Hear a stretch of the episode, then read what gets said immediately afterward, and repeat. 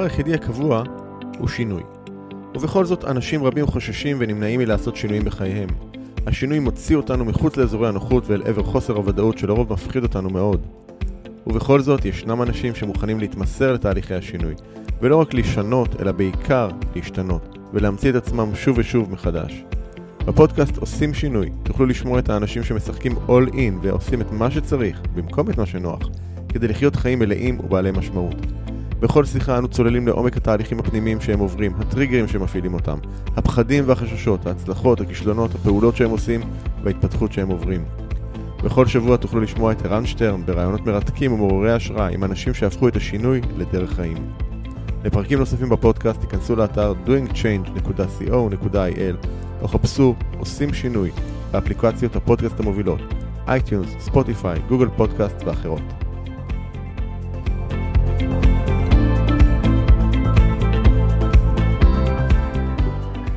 ערב טוב, מה, לא התעוררתם היום?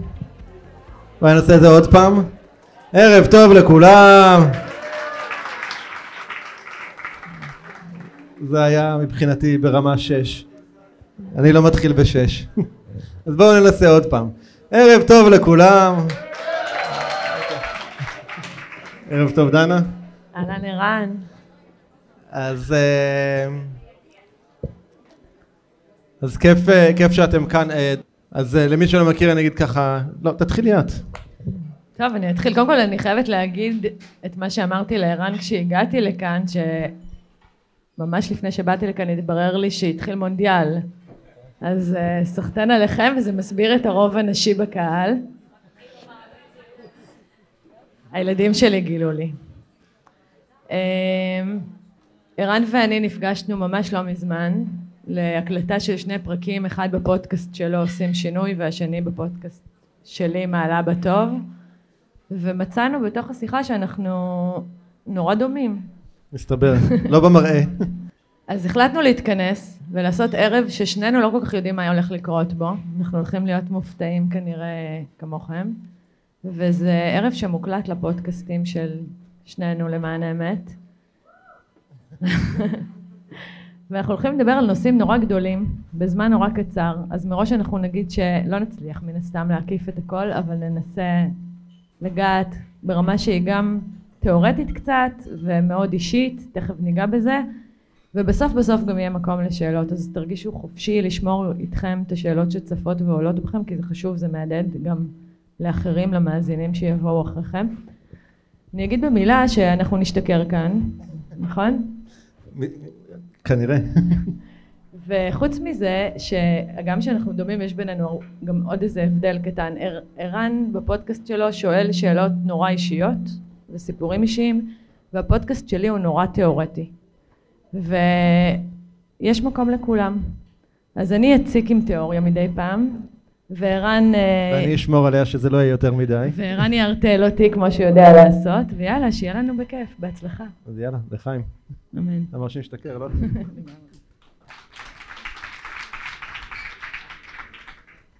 אז אה, כשחשבנו ככה על מה אנחנו רוצים לדבר הערב, אה, בחרנו שלושה נושאים שהם כאילו אולי לא קשורים אבל דווקא כן תכף, תכף דנה זו האחריות שלה תסביר איך הם קשורים אבל אה, אנחנו הולכים לדבר קצת על הישגיות ותחרותיות בחיים שלנו. אנחנו הולכים לדבר על, על הגוף שלנו ואיך הוא, איך הוא מה, מה הוא בעצם מה המשמעות שלו בחיים שלנו וגם על השיעורים שפוגשים אותנו במהלך החיים. אז אלה שלושת הנושאים שככה חשבנו שיהיה מעניין לדבר. כן, ואנחנו בעצם נכנסים תחת הכותרת התפתחות אישית, וצריך להגיד, כשמדברים על התפתחות אישית, בעצם כולנו מבינים את זה דרך מושגים כמו עושר. מישהו הרגיש פעם עושר? כי אני מוצאת את זה מאוד חמקמק. מה זה בכלל התפתחות אישית? אז צריך להגיד שאם האבולוציה ממש ממש ממש לא מתעסקת באושר שלנו, זה ממש לא מעניין אותה.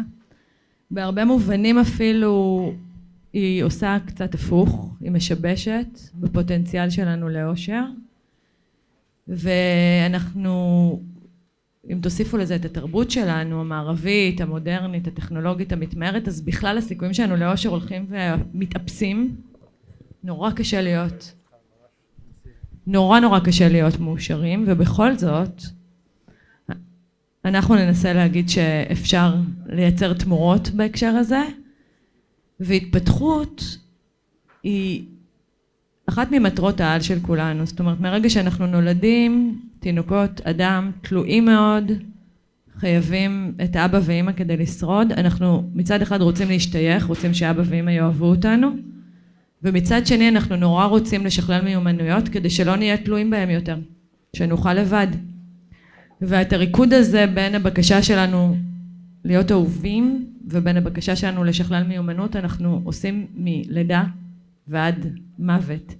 זה בגדול המטרה שתלווה אותנו בתוך השיחה הזאת ונתחיל באמת בלגעת בתרבות הזאת שמלווה אותנו שאולי אחד המאפיינים הכי משמעותיים שלה זה הישגיות ותחרותיות. כן. אז אני, אני אגיד על עצמי שאני אה, נולדתי אדם מאוד אה, הישגי. אה, אגב, יודעים את ההבדל בין הישגיות לתחרותיות? תעשו סימן זה כן, זה לא. יודעים את ההבדל? הישגיות זה בעצם, זה אני מול עצמי ותחרותיות זה מול, מול אחרים.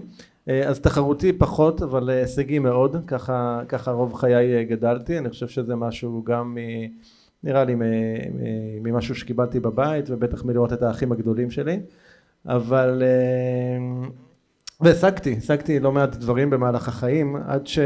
אבל היה איזשהו באג בדבר הזה מבחינתי שזה לא משנה כמה השגתי ומה השגתי זה כמעט אף פעם לא עשה אותי באמת מאושר. וזה היה מין סוג של הונאה כזאת שהייתי צריך לחשוף כדי להבין כאילו מה זה, מה זה אומר בעצם שאני משיג ומשיג אבל זה לא באמת ממלא אותי. לא אני מדבר מעבר לרבע שעה הראשונה או כמה דקות או כמה ימים לכל היותר.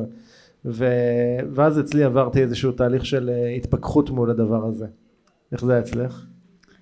אני גדלתי להיות אלפא נדמה לי שבחברה שלנו אנחנו ממש מכירים את המושג הזה ואנחנו חווים אותו אז מבחינתי להיות תחרותי זה היה כאילו כשאמרו לי שאני תחרותית זאת הייתה מחמאה. אגב גם כשאמרו לי שאני צינית קיבלתי את זה כמחמאה. צינית? כן. כמחמאה? כן. לגמרי. וואו. הייתי בוחן מי, מי נותן לך את המחמאות האלה ומתרחק. קשה זה אתה יודע הורים. ההורים אה, אז תחרות מבחינתי, קודם כל, אגב, אין כאן, אין בן אדם שלא חווה תחרות בחברה שבה אנחנו נמצאים. הילדים שלנו נכנסים לבית ספר והם uh, מתחילים להבין תחרות מ... מכיתה א' בוודאי, אם לא קודם. ציונים בין 0 ל-100, מקצועות רואים יותר, מקצועות רואים פחות, אנחנו ממש לומדים את זה. מעבר למשחקים שאנחנו משחקים, כן? של יש מנצח, יש מפסיד, יש מנצח אחד. אוקיי. זה winner takes it all. לגמרי. כן. אז, אה, אז בהקשר הזה בוודאי שגדלתי לעולם תחרותי עם בקשה להשיג כמה שיותר ולהתעלות ולהצטיין לגמרי. אז באיזה, באיזה נגיד מקרים משמעותיים את יכולה לראות בחיים שלך, ההישגיות שלך עזרה לך ואיפה היא פגעה בך? וואו, אז uh, תראה, קודם כל אני רוצה לעשות הבחנה בין תחרות להישגיות, בסדר? אה, תחרות, אני רוצה רגע לתת רקע, אבל אתה רואה, הנה, אני נכנסת לאקדמיה, מה לעשות? אה, אני זוכרת שכשישבתי בשיעור במכון אדלר, אז אה, המורה סיפרה שם על התיאוריה האדלריאנית, הבסיס הכי בסיסי שלה מדבר על שני צירים, ציר אנכי וציר אופקי, והיא אומרת את הדבר הבא, יש כל מיני אסטרטגיות להתפתח ולהשתייך, דיברנו על המטרות האלה קודם, ואחת מהן היא באמת קשורה לציר האנכי, אני מסתכל כל הזמן על אחרים סביבי, אני משווה אליהם ואני מנסה להתעלות, לטפס בסולם. וככל שאני עולה בסולם, תחושת הערך שלי עולה, ואנחנו רואים על הציר הזה אנשים שיכולים להסתכל למעלה ולהרגיש סוג של אה, קנאה, נכון? מי שמעליי, מי שמצליח יותר, מי שהגיע להישגים יותר מרהיבים. וכשאנחנו מסתכלים למטה אנחנו אולי בזים, מלגלגים, ובאמת בציר הזה מספר הפסיכואנליטיקאי אלפרד אדלר, אנחנו נראה שפה ביקורתית, תחרותית, והוא אומר אם כל חטאת. כאן מתחילה הנאירוזה החברתית. ולעומת זאת הוא מציע ציר אחר אופקי, ששם אנחנו מתפתחים ביחס לעצמנו, לא בהשוואה לאחר. פה לצורך העניין אם אני ארוץ, אני ארוץ ביחס ליכולות שלי, ההישגים שלי, איך שרצתי לפני שנה, ולא ביחס לשכנה שלי או לחבר שלי או למי שהגיע לאיזשהו הישג או לתחרות הקרובה. ופה אומר לנו, כאן נמצאת הבריאות הנפשית. כאן אנשים הופכים להיות שותפים, אנחנו נראה כאן שוויון ערך, שיתוף פעולה, כבוד הדדי, כל הערכים שאנחנו בעצם מבקשים לקדם כשאנחנו מחנכים ילדים. כמובן שאף אחד לא נמצא על ציר מובהק, כולנו נמצאים איפשהו על הגרף הזה. ו, וזה נורא ברור בשיעור שזה כאן מתחילה, כמו שאמרתי, הנאירוזה הנפשית, ואני שומעת את המילים ואני מתחברת למה שהמורה אומרת. נשמע לי הגיוני בסך הכל, כי באמת יש המון בדידות כשאנחנו משווים לאחרים, וכל הזמן יש חוויה של לא משנה לכמה הגענו, תמיד יש מישהו שנמצא מעלינו. ותמיד אלה שמתחתנו הם כאילו פחות, אנחנו פחות רוצים לכאורה להיות במועדון, משהו נורא היררכי. והרמתי את היד ושאלתי את המורה אם יש עדויות אמפיריות לחברות לא תחרותיות. ואז היא אמרה לי, דנה זה לא שיעור על מדע, אנחנו לא בודקים שום דבר אמפירי, זה התיאוריה. אבל זה דינדן לי, המשכתי ללכת עם זה, כי אם אנחנו נולדנו לתחרות הישרדותית, אז אין טעם בכלל לצאת נגדה. אז אנחנו, זה בטבע שלנו. ובזמן שעשיתי מין מחקר כזה גיליתי שזה ממש ממש לא הכרחי. יש תרבויות אה, אנושיות שאגב כנראה התחילו מחברות מאוד קהילתיות ולא לא היררכיות. ולא תחרותיות. ולא תחרותיות כמו ציידים לקטים, לא ניכנס לכאן הערב. אבל הקופים הם ממש היררכים, ממש. ובחברות קופים, בין אם זה בבונים או שימפנזים, יש מספר קטן מאוד של alpha males, והם שולטים בעצם ברוב המשאבים שהם... אז, אז את אלפא אמרת. עדיין, חכה רגע, הוא, מנסה לק... הוא, מנסה, הוא מנסה לקחת אותי לאישי. ברור. אה, אחד זה תחרות על נקבות והשני זה תחרות על מזון. אבל כשבודקים את הורמוני הסטרס אצלם, ורוברט ספולסקי, פרופסור רוברט ספולסקי עשה בדיקה כזאת, מוצאים שבאמת הם לא בסטרס האלפא. רק שכל יתר הלהקה, הנקבות ויתר הזכרים, הם בסטרס של אדם בדיכאון. וזה משפיע על הרבה מאוד מחלות.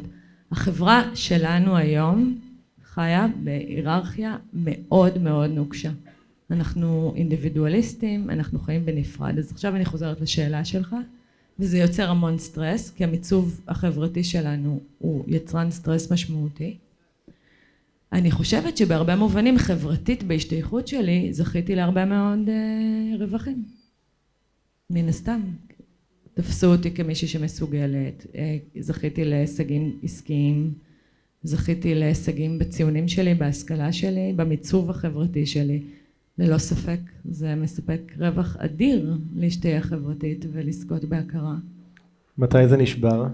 זה נשבר כמה פעמים במהלך השנים, אני לא חושבת שזה נשבר פעם אחת ואני גם לא חושבת שזה, אגב, נשבר לגמרי. בינארי, כן. בדיוק, אני כנראה אמות אה, כן. בתוך עולם. לא, אני, אני לא חושב שזה משהו שאתה מסיים איתו, זאת אומרת להיות הישגי, אבל אני חושב לפחות אצלי שהפרספקטיבה היא מאוד מאוד שונה. אז אמרתי לך, אני עושה הבחנה. הישגית אני, אני ממש לא רוצה להיפרד מהערך הזה. אני תמיד כנראה אהיה הישגית ואבקש לעשות עוד התפתחות ולשכלל עוד מיומנות.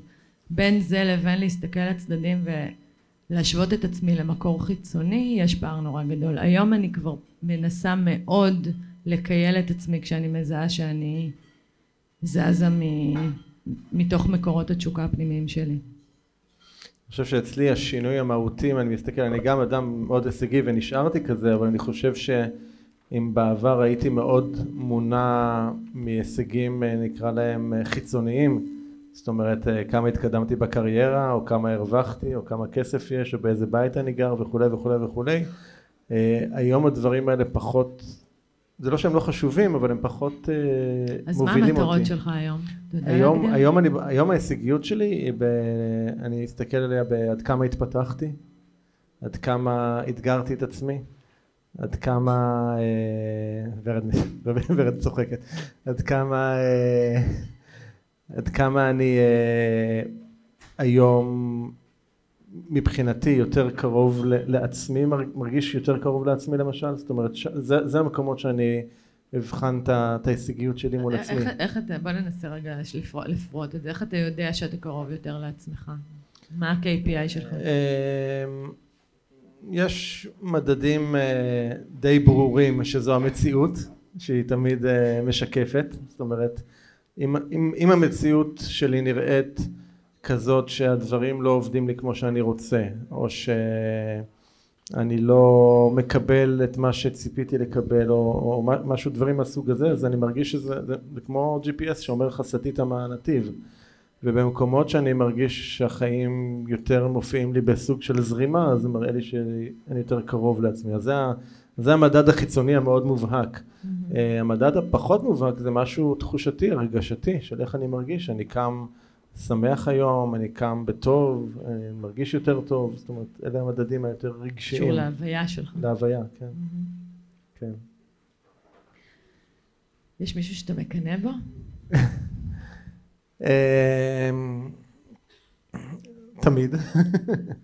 אמ, אני חושב שזה מצחיק כי קנאה זה משהו שחודשים האחרונים אני עובד איתו, מקבל אותו, כן, מתמודד איתו.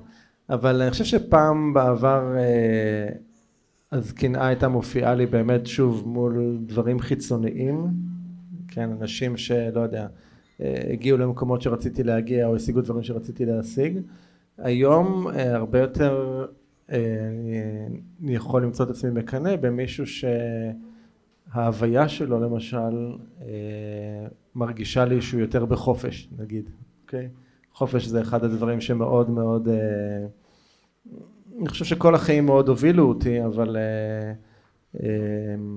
היום אני גם יודע להבין את זה, פעם זה, זה, היה, זה, היה, זה, היה, זה היה מאחורה. כן, אבל זה מעניין מה שאתה אומר, כי אנחנו מדברים על תחרות ועל השוואות, ובעצם אנחנו לא יכולים לא להשוות, נכון? אנחנו חיים בתוך אה, כן. מרקם חברתי, וכל הזמן אנחנו... אבל, אבל גם בהשוואה אני חושב שזה מאוד אה, תלוי לאיזה מקום לוקחים את זה, כי אני יכול לקחת את זה להשוואה של לא, לא יש ולי אין, ואז זה, זה יוריד אותי, ואני יכול לקחת את זה למקום של להגיד אני גם רוצה כזה, ואז, ואז זה יכול להרים אותי, אז, אז זה נורא תלוי. וקנאה אגב זה רגש שהרבה פעמים אנחנו מכניעים, אנחנו אפילו לא מקשיבים לו, אבל הוא כן. מסמן לנו על משהו ש... כן.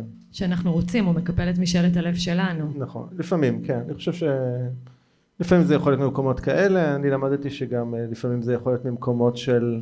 זה יושב על כל מיני פצעים אה, פצעי עבר. פצעי עבר, פצעי ילדות, ש, שזה פשוט יכול להטריג אותם, כאילו כמו טריגר, mm-hmm. להקפיץ אותם באיזושהי צורה. כן. אז יש דמות כזאת שמייצגת חופש עבורך? אמ, לא יודע אם יש דמות ספציפית, יש, אה, אני יכול להסתכל על אנשים מסוימים שאני מכיר ולהגיד אוקיי, חלקים ממנו אני יכול לראות אותם איך, אה, איך הוא בחופש. חופש אגב זה לא חופשה לים ולא לעשות כלום, זה לא, לא הכוונה, אבל חופש יכול לבוא לידי ביטוי ב... אה, עד כמה אני מונע נגיד ממה אחרים חושבים, אוקיי? או לא מונע מכמה אנשים, מה אנשים חושבים, אה, עד כמה אני מאפשר לעצמי באמת להיות אני, מה שנקרא, בצורה הכי, הכי קרובה לעצמי, בלי פאסון והצגות ותלבושות ו, וכל מיני חליפות שאנחנו לובשים על עצמנו. אה, זה, זה האזורים האלה, ככה אני... אז איך זה השתנה בחיים שלך? מה אתה מזהה כשאתה רואה שזזת מ... לרצות את הבית הכי גדול ואת המכונית הכי יוקרתית, ל- לרצות להרגיש חופשי ושמח. קודם כל אני חושב שמדד האושר שלי באלף עלה. אוקיי, אני חושב שהיום אני בתקופה הרבה יותר מרגיש מחובר לעצמי ואני חושב שיש לי הרבה יותר רגעי אושר אה, מבעבר. אה, אני חושב שזה גם הוריד אצלי חלק גדול מהסטרס שהייתי בו, כאילו מה שדיברת קודם, כי העניין עם ההישגיות החיצונית זה שלא משנה כמה אתה משיג, it's never enough. זה אף פעם לא מספיק, זה תמיד אתה תגיע, זה עוד פסגה, אתה תגיע אליהם ותמיד יהיה עוד פסגה, ואז תמיד יהיה עוד פסגה. עכשיו זה בסדר פסגות, הם, הם, הם... אבל אתה מסתפק ערן? מסתפק במה? במה שיש לך? אף פעם לא. אבל אני לא ב... תמיד אנחנו נרצה יותר, כן? אבל אני חושב שמה שהשתנה פה אצלי זה ה... זה התפיסה שלי על זה. זאת אומרת, במקום להסתכל על זה כמשהו של... תמיד הייתי מסתכל על הפער, אוקיי? ולהסתכל על הפער במקום של אין לי את זה עדיין. Mm-hmm. זה כמו שאני אסתכל על ה... שוב, זה, זה הכי קלאסי, זה אני אסתכל על הכוס ואני אגיד וואי, כאילו, חסרה לי פה מלא בירה בכוס. כן? שתית אותה. שתיתי אותה, זהו. נשמה, בוא. כבר כאן. אז, אז שוב, זה עניין, זה עניין של גישה לגבי הדבר הזה, איך אני מסתכל על זה. אז אני חושב שהזווית הזאת השתנתה. איך, מה היית נגיד שואלת את עצמך כדי לבדוק אם ההישגיות שלך משרתת אותך או לא משרתת אותך? מה שאלתי את עצמי בעבר? גם עבר, ב- היום, איך את בודקת את זה תראה, היום? בעבר, באמת, מה שעניין אותי בדיוק כמו שאתה משתף, ואני בטוחה שהרבה אנשים יזדהו, וגם פה אני לא רוצה לדבר במושגים נורא בינאריים, כי אני בטוחה שאני עדיין צבועה באסטרטגיות שיש בהן גם תחרות והישגיות מהזן שאנחנו מדברים עליו, אבל זה היה באמת מאוד חיצוני. זאת אומרת, כמה, איך נראה הבית שלי, עד כמה הוא מעוצב, לאיזה חוגים הילדים שלי ילכו, הציונים שלי, הטייטל שלי.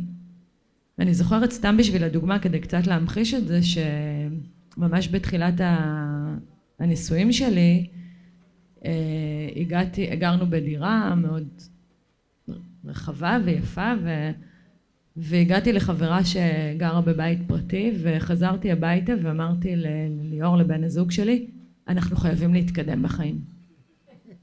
ומבחינתי להתקדם בחיים היה יותר גדול, יותר, באופן כללי יותר. יותר נמוך, יותר קרוב לקרקע. אז כן, אלה היו המושגים הקפיטליסטיים של הצלחה מבחינתי, מה שאמרו שנחשב מוצלח. את יודעת, אני, אה, אחרי שהתגרשתי לפני שנתיים וחצי, עברתי לגור אה, באיזה יחידת דיור במושב שגרתי בו אה, כמה שנים קודם לכן. אז המושב היה אותו מושב, הבית היה שונה לחלוטין, הבית הקודם שהיה, זה היה בית שהיה נראה כמו איזה ארמון קטן, עם כל המשתמע, בריכת שחייה בחצר, לא, לא אינטקס, אני מדבר, בריכת שחייה אמיתית, כ- כזה. וכשעברתי ל... ל... לדירה הקטנה, אחרי הגירושים, פתאום קלטתי שאני הרגשתי שם הרבה יותר מאושר מאשר אי פעם הרגשתי. בארמון. וזה היה בשבילי איזושהי אה, אינדיקציה מאוד מאוד משמעותית שזה באמת לא זה הדבר ש... שעושה אותי לפחות מאושר, זה לא הבית הגדול, זה לא, זה לא הדברים האלה. אלא זה באמת המצב הפנימי שלך, הפנימי שלי, של איך אני, איך אני מול עצמי. זה, זה, זה הדבר החשוב. ומבחוץ זה סוג של תפאורה. עכשיו, כמובן שכל אחד מאיתנו רוצה את התפאורה היותר נעימה והיותר כיפית, ואין בזה פסול, אבל אני חושב שזה זה יכול להיות מאוד מאוד טריקי אם אנחנו רגע מפספסים את, ה, את המיקוד על מה באמת עושה אותנו אני חושבת. שהשאלה היא מה המחיר שאתה משלם בשביל זה. כי, כי תכלס, בוא נשים רגע את הדברים על השולחן, ואני חושבת שאף אחד לא ישמוט את הלסת, אם נגיד שכולנו נעדיף להיות הכי עשירים שאנחנו יכולים, הכי רזים. הכי צעירים והכי יפים עכשיו. ואם אין אף מחיר, אז סבבה, למה שנסרב לזה, כן? לא הייתי, כאילו, אם היו מציעים לי את זה על מגש של כסף. הגם שאני אני- יודעת שזה לא קונה אושר, לא שכנעת אותי. גם אני הייתי נרשם. השאלה היא מה המחיר של המרדף. והמחיר, הרבה פעמים, הוא זה שמוביל אותנו להתחיל לשאול שאלות חדשות. המחיר הוא כואב. לגמרי. אחת השאלות אולי הכי מהותיות שעולות כשמדברים על uh, הישגים, ושוב, אנחנו, אנחנו יצורים מתפתחים, אנחנו רוצים להשיג, ותמיד מה שנגיע אליו, ההישג האחרון שהגענו אליו, הוא נקודת הפתיחה להישג הבא. לגמרי. אגב, וזה, וזה טוב שזה ככה, כי תארו לכם שהיינו מגיעים ואומרים, אוקיי, זהו, אז עכשיו אני כאן. אתם יודעים, זה קו ישר, ואני חושב שאנחנו לא פה בשביל אה, קו ישר, אנחנו פה בשביל להתפתח, אז, אז הדפוס הזה שלנו של להגיע לפסגה ולחפש את הבאה, זה אני חושב שהוא דפוס מאוד מאוד טוב, כי הוא מושך אותנו למעלה. אלא שמה שאמרנו קודם, הרבה מההישגים שביקשנו לעצמנו, הם הישגים שבעצם הטמענו, הפנמנו, נכון? כערכים חיצוניים. זאת אומרת, בהרבה מובנים זה מה שחשבנו שראוי לרצות, מה שלימדו אותנו שנכון שנרצה. אז איך יודעים להבחין בין מטרה שהיא באמת שלך, משאלת לב פנימית, לבין מה שלמדת there, בחברה שלך, בתרבות שלך, מההורים שלך, מהבת זוג שלך, שזה מה שכדאי שתרצה.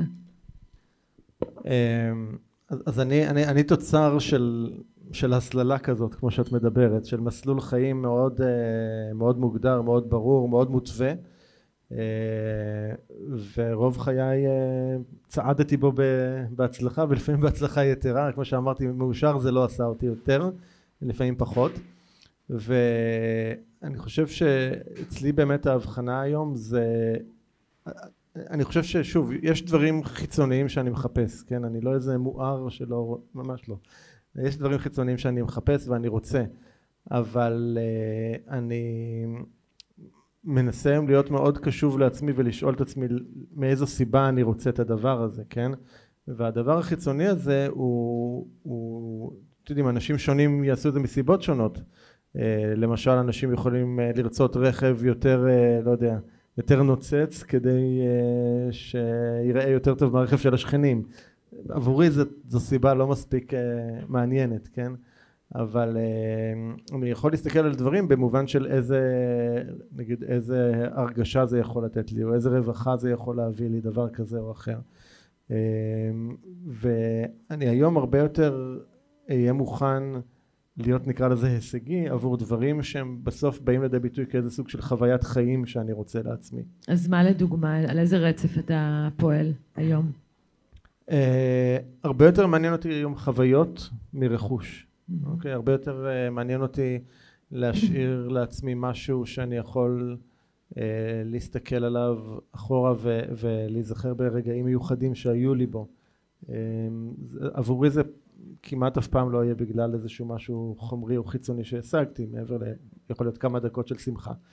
אה, אבל חוויה מאוד משמעותית היא, היא תמיד תישאר כן? כאילו אה, ואני חושב שבאמת אחד הדברים שמאוד השתנו אצלי זה, זה המקום הזה לצבור עוד ועוד ועוד חוויות לפעמים זה אובססיבי אצלי.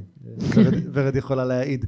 אבל, אה, אבל כן אני, אני הרבה יותר היום מונע מחוויות מלצבור חוויות. שתף, איזה חוויות. לשתף? יש אישור? היא לא יודעת מה. אמ, טוב, נשתף. היינו, אה, שאלת אותנו כש... שאלת אותנו קודם אה, כש...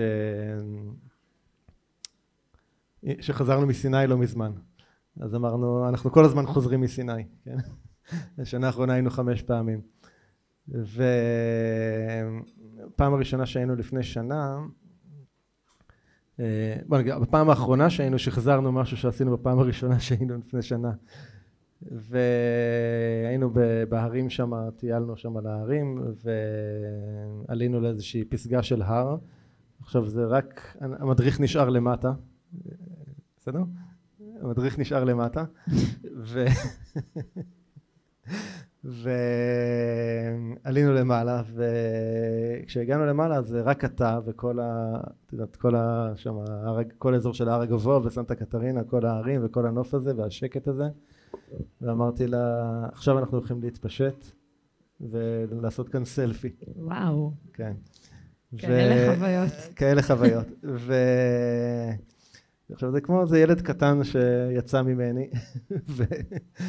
ואני חושב שזה משהו שהוא, שהוא משעשע, כאילו עבורי זה משעשע וזה משהו שהוא נצרב והוא בעיניי מאוד אה, משמעותי הרגע הזה. כי עובדה שכל פעם שאנחנו נזכרים בו אז, אז הוא עושה לנו משהו.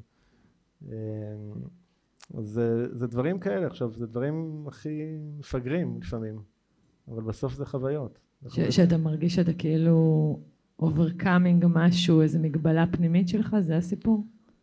אה, זה לפעמים יכול להיות מגבלה פנימית, יש גם כאלה, אה, ולפעמים זה סתם ללכת רגע עם איזושהי נטיית לב אה, טיפשית כזאת, ילדותית.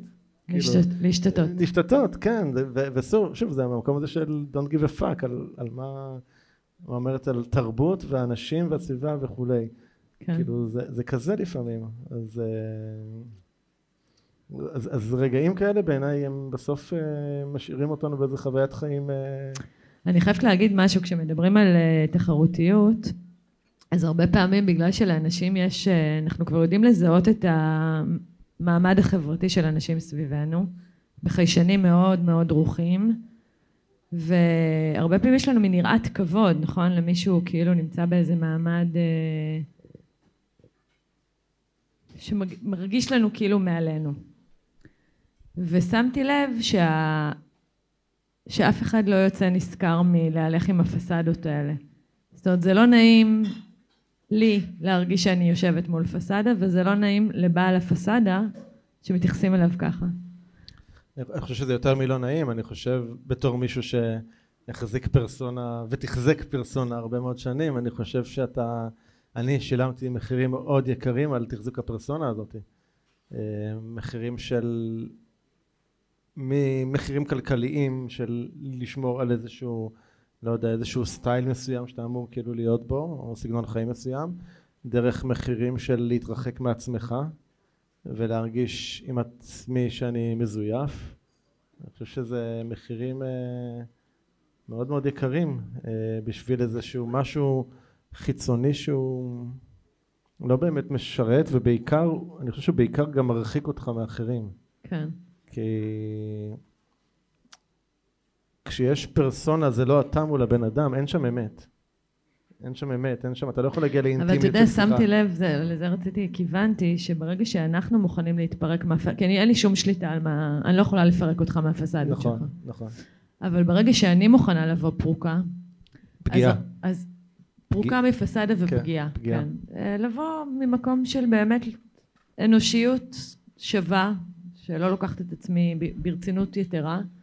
וגם לא את אלה שסביבי, לא ממקום שמפחית בערכה, בערכו של אף אחד, אלא ממקום שבאמת מניח מראש שאנחנו באמת באמת באמת שווים. אה, אז אני מאפשרת לאנשים שסביבי להיות הרבה יותר הם, והם זוכים, נכון. לתפיסתי, במקום הזה ב, ב, בחוויה שהיא, שגם הם כמהים לה באיזשהו מקום. נכון. אני חושב שזה מאוד נכון, היה לי אגב חוויה מאוד מעניינת בהקשר הזה אחרי ה... לפני, מתי זה היה? ביולי, אם אני לא טועה, נכון? זה היה ביולי, הקלטנו פה את הפרק המאה ב- ב- של- בפודקאסט שלי שעושים שינוי ודיברתי שם על, אה, על שלושה נושאים, על, אה, על, ה- על ש, שלושה נושאים שכאילו עבורי היו, עברו שינוי מאוד מהותי, זה היה ההורות שלי, אה, מיניות ואינטימיות בחיים שלי ו... כמה ימים אחרי זה קיבלתי טלפון מאיזשהו חבר שהיה פה בקהל וזה מישהו שאף פעם לא הצלחתי לחדור איתו מעבר לפסאדה. ובאותה שיחת טלפון הוא פתאום פתח מולי הוא כל מיני דברים מאוד מאוד אינטימיים שלו. וזה היה לי מאוד מרגש ומאוד מעניין כאילו לראות כי, כי באיזשהו שלב אמרתי טוב כנראה זה מישהו שאני לא לא אצליח לחדור אותו באיזושהי צורה אבל עצם זה שהוא ישב פה ושמע ממני את הדברים זה אפשר לו לבוא ולהיפתח. כשאתה נסדקת מול אנשים אחרים, אז אפשרת להם כן. להתחבר אליך. לגמרי, כן. לגמרי. אנחנו די מסכמים לדעתי כן. נושא אחד, ואנחנו עוברים עכשיו לנושא אחר, הגם שהכל קשור, וזה הגוף שלנו, ומערכת היחסים בעצם הראשונה שאנחנו מקיימים בחיים שלנו עם הגוף שלנו.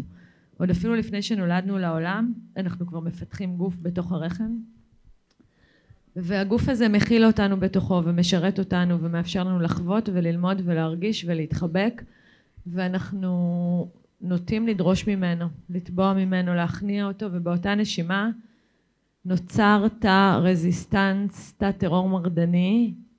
אגב זה עובד במקרו, זה עובד גם במיקרו, אף אחד לא אוהב להידכא, לא עמים, לא אנשים, לא גופים. אז איך שאנחנו מתייחסים לגוף שלנו בעצם מלמד על איך שהתייחסו אלינו וגם איך שאנחנו מתייחסים לאחרים ובעיקר מה אנחנו באמת באמת חושבים על עצמנו. ולפני שאנחנו מתחילים לנהל איזשהו דיון כאן על גוף, שאנחנו שוב לא יודעים לאן הוא ייקח אותנו, צריך להגיד שהגוף הוא יותר אותנטי מכל מילה שאנחנו מפיקים. זאת אומרת, מישהו יודע כאן אגב כמה אחוז מתוך שפת הגוף שלנו הוא, אחו, הוא הנפח שתופס את התקשורת שלנו? 93 אחוז. 93 אחוז מהתקשורת בינינו מועברת במסרים גופניים, במיני מימיקות, בגוון הקול, בנוכחות שלנו, כמובן שבמנח שלנו, בעמדה של הידיים שלנו, של העמידה שלנו בחדר וכו' וכו' וכו', מלא מלא מלא פרטי פרטים, רק שבעה אחוז מהתקשורת שלנו בעצם אה, זה המילים שאנחנו דוברים. ובמובן הזה צריך להגיד שאנחנו מדברים כל הזמן את עצמנו. אז אם אני יושבת מסוכלת רגליים באופן כפול ועם ידיים שלובות וכתפיים שכוחות, מה אני מספרת על עצמי? ואני מספרת על עצמי, ובעצם הגוף שלנו מספר את האמת שלנו, אה, והוא גם שער נפלא להתחבר לתוכנו. זה ממש דיאלקטיקה ששווה, וניגע בה כנראה בנגיעה וניגע וניסע. ובכל זאת, ערן, אני אתחיל ממך, אחר כך תשאל אותי אם תרצה. אז ברצף שבין ממש חמוד כלפי הגוף שלך לסופר נסטי, איפה אתה ממוקם? אה, אז אני חושב שגם, לא חושב, אני יודע, גם בדבר הזה זה עבר אצלי שינוי מאוד אה, מאוד, מאוד מהותי. אה, אני חושב שרוב ה, השנים לא, לא יודע אם הייתי ממש נסטי, אבל לא הייתי מרוצה. כן, נסטי אף פעם לא הייתי, אבל מרוצה לא הייתי, לא הייתי מרוצה. ולפני משהו כמו שנתיים וחצי השתתפתי באיזושהי סדנה, עסקה במיניות, ואחד התרגילים זה, זה היה אגב משהו כמו שנה אחרי שהחלמתי מהסרטן והיה שם תרגיל אה, שאתה בעצם מקיים סוג של דיאלוג בינך לבין הגוף שלך. זאת אומרת פעם אני מדבר כערן אל הגוף ופעם, הגוף מד... ופעם אני מדבר כ... כגוף שעונה לערן.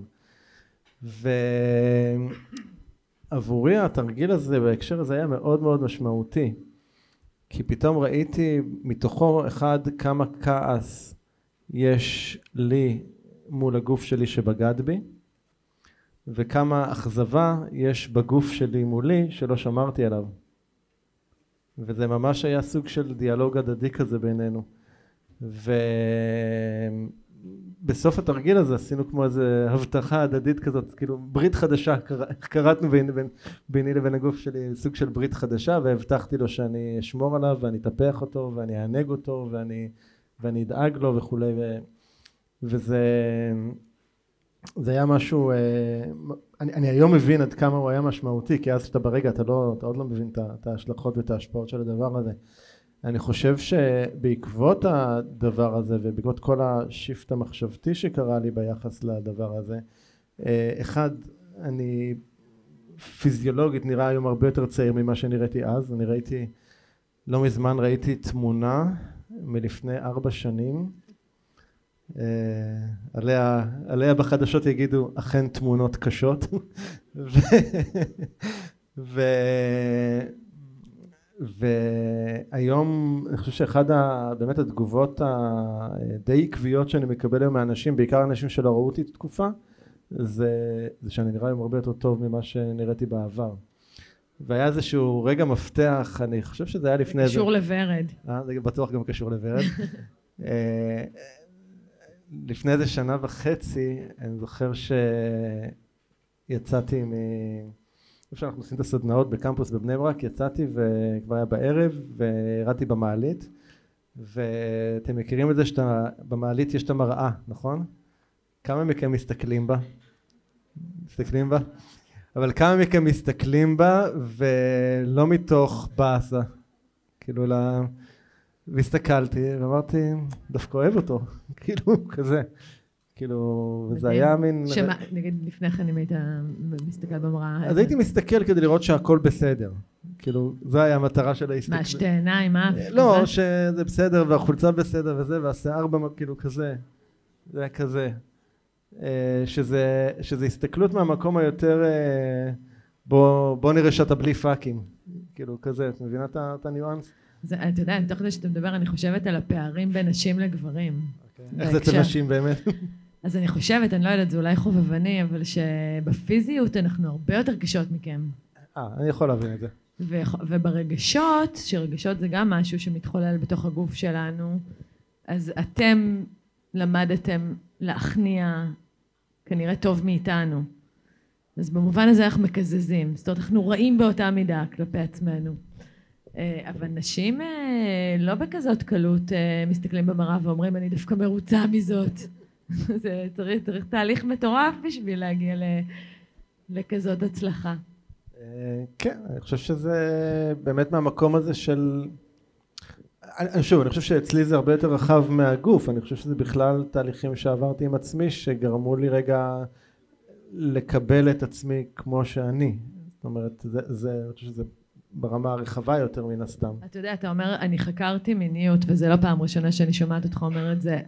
אתה רוצה לצלול איתנו למה זה אומר לחקור את המיניות? את רוצה לשאול? שואלת. אה, זו השאלה. איך חוקרים מיניות? אה, מה זה אומר לחקור מיניות? אה, יאללה. אה, אני יכול להגיד מה זה עבורי, כן? אני חושב שזה מתחיל בהבנה ש... שלי הייתה שאני כנראה לא יודע כלום. אוקיי? שזה בכלל, אני חושב שבכלל כל תחום שאנחנו רוצים לחקור אז כדאי להגיע ממקום כזה של לא יודע. אה, עכשיו איך, איך, איך חוקרים משהו באופן כללי? איך חוקרים? לא יודעת. מחקר, מה זה מחקר? על מה הוא מבוסס? על דאטה? על אינפורמציה? על, על מה? ידע? על ניסוי וטעייה, תודה. אז מחקר מבוסס על ניסוי וטעייה. אה, אז כן, אז אני חושב שהתנסויות אה, זה חלק מאוד מהותי מהמחקר, עבורי לפחות. אז זה אומר להתנסות בכל מיני דברים שקודם לא ניסיתי. זה אומר, אה, זה לקח אותי, כמו שאמרתי, לכל מיני סדנאות כאלה ואחרות, או כל מיני אה, אירועים כאלה ואחרים.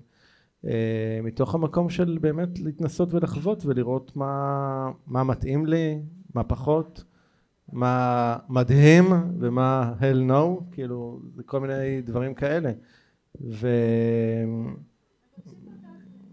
מבקשים תכלס. דוגמה? מה, הפחיד אותי?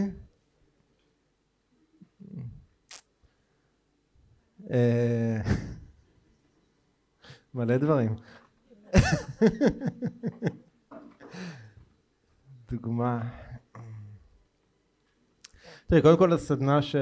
שסיפרתי שהייתי בה, סדנה שנקראת איסתא, אה, שהיא סדנה די הארדקור, אה, לא, לא לבעלי לב חלש אני חושב. אה, אני חושב שיש הרבה סדנאות בעולמות האלה של עירום ומגע וכל מיני דברים כאלה, שזה זה, זה הנקודת פתיחה, ואני חושב ש... במקומות האלה פתאום לחקור מגע עם, עם, עם אנשים שונים, אוקיי? למשל, אה, אחת ההתנסויות שהיה לי זה היה לגעת ככה בגבר, אוקיי?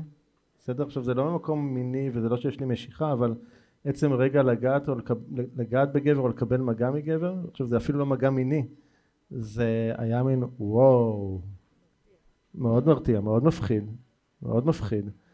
אה, ופתאום לגלות שאתה יודע מה, דווקא לא נעים להגיד. חמוד. נ, נע, לא יודע אם חמוד, לא במובן הזה, אבל המגע היה נעים.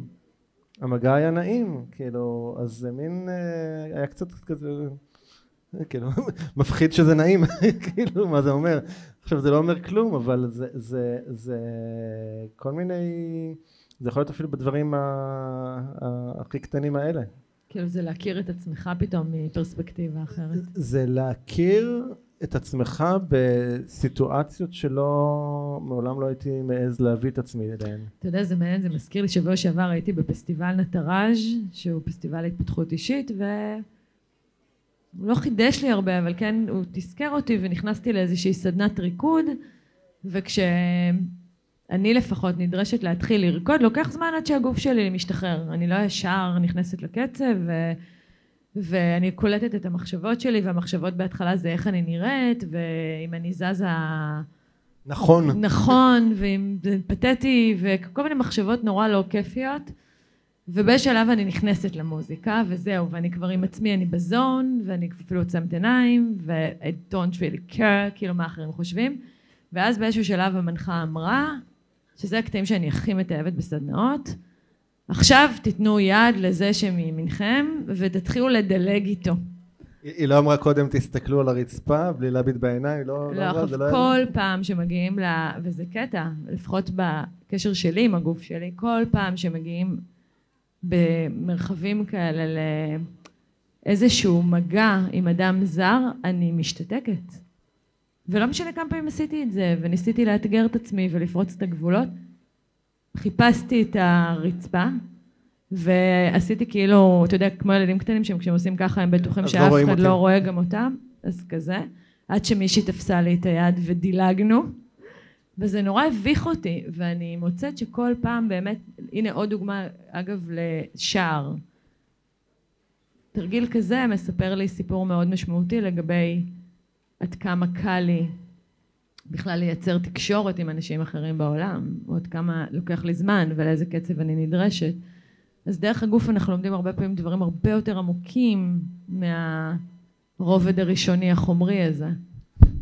אני חושב ש... אני חושב שבהקשר הזה, אני חושב שזה מאוד נכון, אני חושב שעבורי, ככל שאפשרתי לעצמי להיות יותר, להרגיש יותר חופשי עם הגוף, אז זה גם התבטא אחר כך ב- בעד כמה אני מרגיש, מאפשר לעצמי להרגיש יותר חופשי בתקשורת, נגיד, עם אנשים. אני חושב שזה אצלי מאוד מאוד מאוד קשור אחד לשני. אגב, אני, אני לא יודעת אם עשיתם פעם את התרגיל הזה, אבל יש תרגיל שבו מבקשים מאנשים לשבת, גם אנשים שאתם מכירים, ובמשך שלוש דקות בשתיקה רק להסתכל אחד לשני בעיניים ולנשום.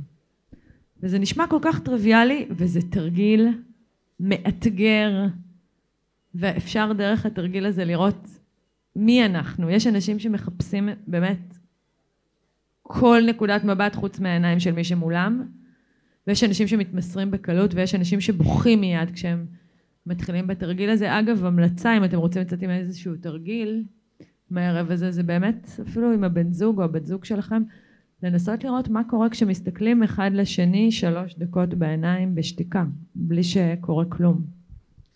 את יודעת, לפני כמה שנים, אה, בעקבות אגב תרגיל כזה שעשיתי, אה, לפני כמה שנים לקחתי על עצמי ככה איזושהי החלטה שכשאני מדבר עם מישהו, אז אני, אני מסתכל לו בעיניים. ו, וראיתי תופעה מאוד מאוד מעניינת. אחד זה שרוב האנשים, כשאתה מסתכל להם בעיניים, לא מחזירים מבט. אחד, הם, הם נמנעים ממבט, שתיים, שיש כאלה שזה מפחיד אותם, אוקיי? אבל כשיש את המבט ויש את, ה, את הדבר הזה, אז נוצרת, נוצר איזשהו סוג, נוצרת איזשהו סוג של, של אינטימיות מיוחדת. ערן, אתה. יודע מי לעולם לא יזיז את המבט ממך אם תסתכל לו בעיניים? נו, תינוק בן יומו. וואלה. תינוק בן יומו הוא כאילו. הבינג המושלם, הוא מתמסר לחלוטין והוא מאפשר לנו להסתכל לתוכו. כי כשאנחנו נותנים למישהו להסתכל לנו בעיניים, אנחנו בעצם מאפשרים לו כניסה אלינו. Hmm, מעניין. תגידי, איך, איך, אמר, דיברנו על זה שהגוף מדבר. איך, איך את מקשיבה לו? מה, מה עוזר לך להקשיב לו? אני אתן לך דוגמה מהיום. היום התחלתי את הבוקר מוקדם עם עבודה, וזה אחרי לילה שמשום מה לא הצלחתי לישון בו כמו שרציתי וכמו שהספיק לי, והייתי אמורה להגיע למספרה ולהסתפר, וגם להגיע לכאן, והבנתי שאני כל כך עייפה, שיותר נכון שאני אלך לישון.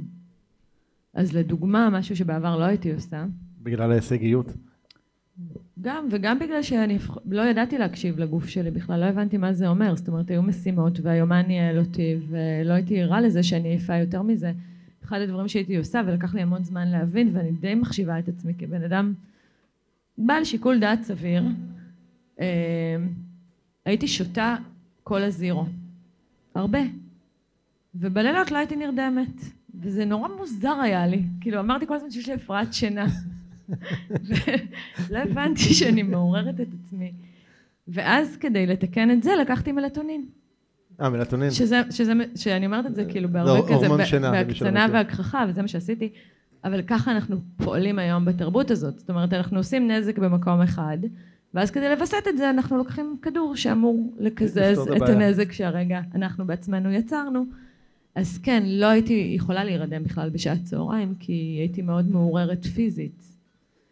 אה, אז איך אני מקשיבה לגוף שלי היום? בכל מיני אופנים. כמו שאמרתי, לדוגמה, אני, אני יודעת כשאני עייפה, ולפני שאני צריכה להגיע למשהו חשוב אני עסוקה יותר בלדאוג לסטייט הפיזי שלי מאשר לרמת הנולדג' או ההכנה האינטלקטואלית שלי, שזה שינוי מאוד עצום מבעבר. ואני חושבת שעוד דבר שקורה זה שאני ממש דואגת לעשות פעולות גופניות היום. זאת אומרת, היום אני ממש ערה לתפקיד של נשימות בחיים שלי, לתפקיד של ריקוד בחיים שלי. אני, אני יודעת שאני זקוקה לפסקי זמן האלה ואני יודעת שאני צריכה להטעין את עצמי אה, כדי שאני אוכל לבוא ככלי טעון ועשיר ומלא ליתר המשימות שדורשות גם את האינטלקט וגם ניתוח וגם תכנון וכל יתר הדברים שאנחנו מורגלים מאוד מאוד אה, להביא ולדלבר.